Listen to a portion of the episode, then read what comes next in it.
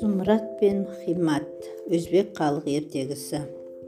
Өте ерте заманда бір шал өмір сүріпті.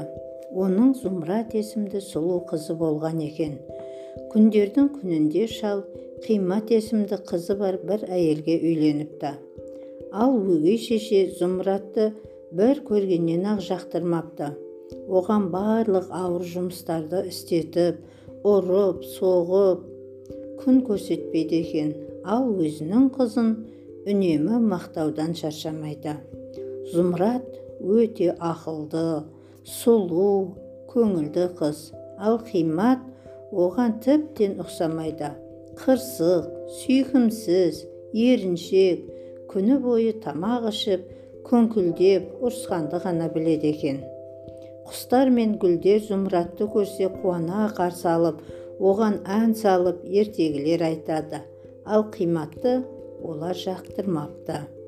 Оны көргенде гүлдер жабылып құстар тығылып қалады. Өйткені өгей шешенің қызы гүлдерді аяғымен таптап құстарды қуалап жүреді екен. Өгей шеше айналаның бәрі зұмратқа ерекше құрмет көрсететінін байқап ызалана бастайды. Енді ол өгей қыздан құтылуды ойлап шалды қыспақ қалады өзіңнің ақмақ қызыңды үйден қуып жібермесең мен кетіп қаламын қызыңды орманға апарып таста деп бұйырыпты. Шал не істерін білмей дал болады. Қызын қуып жіберуге дәті бармайды. Кемпірінен бас тартайын десе оның да жөнін таба алмай қиналады.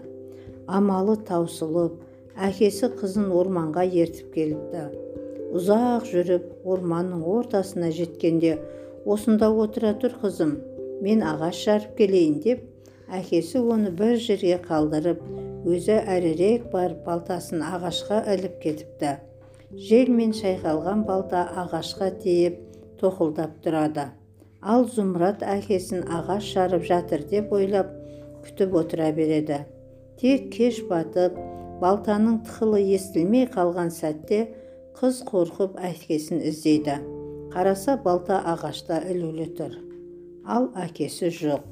Қатты қорыққан зұмрат жылап жібереді. Не істерін білмей аласұрады амалы таусылған ол еріксіз орман ішін аралап жүре береді. Айнала тас қараңғы қорқыныштан тұла бойы түршіккен сұлу қыз жыларман халге жеткенде оттың жарығын көреді. Жақындап келсе кішкентай үйшік тұр екен. Терезесінен қараста ішінде кәрі кемпір отыр. Зұмрат есікті қағып ішке кіреді де қарт кісімен сәлемдесіп болған соң басынан өткен оқиғаны баяндап береді. Бұл кемпір орманның мейірімді сиқыршысы екен. Ол зұмратты жақсы қарсы алып мейірлене күтеді. Қайғырма қызым мен саған көмектесемін деп жұбатып тамағын беріп бойын жылытады. Сіз мені туған анамдай қарсы алдыңыз. Сізге өз алғысымды қалай білдірсем екен? Мен жұмыс істегенді жақсы көремін және сіз үшін кез келген жұмыстан аянбаймын дейді қыз риза болып. Кемпірге балдырған қыз қатты ұнады. Ол қарияның көңілін аулап ертегілер оқып беріп үйін жинап ас суын әзірледі. Осылайша кемпір мен қыз біраз уақыт бақытты өмір сүріпті. Зұмрат келгелі үйшіктің іші де айнадай жарқырап тап таза күйге енеді. Бір күні кемпір қызға палау пісіріп бермекші болады. Қызым шатырға шығып отқа жағатын ағаштарды алып берші дейді. Жарайды апа деп зұмрат шатырға шығады. Үй өте биік салыныпты. Шатырдан айналаның бәрі көрінеді екен. Зұмрат жоғарыдан айналасына көз жүгіртіп алыстан өзінің үйін көреді. Сол ақ екен көңіл күйі түсіп жылап жібереді. Жарқыным ау не болды саған? деп сұрайды кемпір. Үйімді көрдім апа. Әкемді қатты сағындым деп қыз одан сайын егіледі.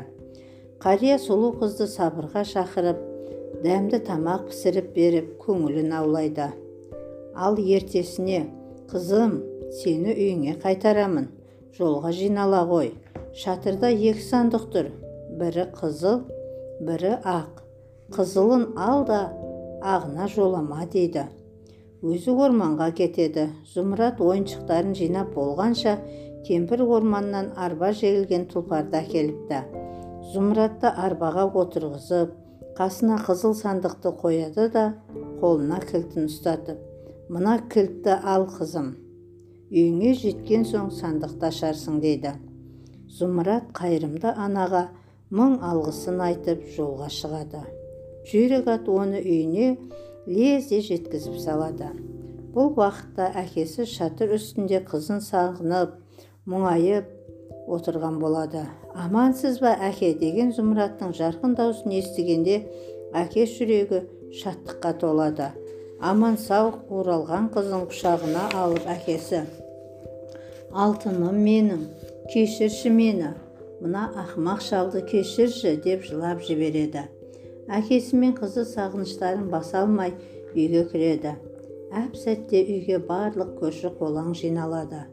Зұмрат сандығын ашқан кезде жұрттың бәрі не деген керемет деп таңданыстарын жасыра алмайды. Сандықтың іші қымбат киімдерге жібек пен асыл тастарға толы екен. Мұның бәрі зұмраттың бүкіл өміріне жетерліктей еді оны көріп өгей шешенің мазасы кетіп құты қашады. Осындай әдемі де қымбат байлық өз қызына да болғанын қалаған ол қымбатты да орманға апарып таста дейді ертесіне шал қымбатты ертіп орманға келеді де ағаш жарамын деп алдап қызды бір жерге қалдырады да өзі балтаны ағашқа іліп кетеді. Қараңғы түсе бастағанда әкесін іздеген қимат жел тербеп тұрған балтаны көріп бақырып жылайды. Қорыққанынан алты артына қарамай жүгіріп кішкентай үйшікке келеді. Жылама қызым мен саған көмектесемін деп кемпір оны жұбатады. Күндер өтеді ал қимат кемпірдің үйінде ештеңе істемей жатып алады. Таңнан қара кешке дейін бостандалып жүре береді. Не үй жинамайды не кір жумайды не істеген тамағы жоқ. Үйдің ішін шаң тозаң басады. Бір күні кемпір қызым шатырға шығып ағаштарды алып берші деп өтінеді. Керек болса өзіңіз шығыңыз деп қасарысады қимат қария жас қызды шатырға шығуға әрең көндіреді. Ол шатырға шыққан соң алыстан өзінің үйін көріп қимат та жылап қоя береді. Неге жылайсың қызым? Үйімді көрдім үйге барғым келеді. Олай болса бара ғой. Тек шатырдан ақ сандықты ала түс дейді кемпір. Қуанып кеткен қыз сандықты алып жерге түседі. Кемпір оның кілтін беріп үйіңе барғасын ашарсың дейді. Бірақ оған не ат не арба бермейді. Қимат ауыр сандықты өзі арқалап келеді. Қыздың қайта оралғанын алдымен сезген ит қатыгез кемпірдің қасына келіп үре бастайды. Ау оу оу! Кемпір иттің неге үргенін түсінген сияқты. Оу қызыңыз сандықпен келеді! Оны ашқан адам жылан шағып өледі оу дейді. Қатты ашуланған кемпір итті таяқпен бір ұрып аяғын сындырыпты. Ал өзі менің қызым бір сандық алтын алтын мен жібек алып келе жатыр деген оймен жүрегі жарылардай қуануда. Қимат үйлеріне әрең дегенде қиналып жетеді. Әдеттегідей көршілердің бәрі жиналады. Ал анасы мен қызы сандықтың үстіне отырып алған. Ешкімге көрсетер емес. Кешке таман екеуі сандықты түпкі бөлмеге тығып есігін кілттеп қояды. Тек түн ортасында өздері ғана сандықты ашып көрмек болғаны сол еді олардың құтқарыңдар құтқарыңдар!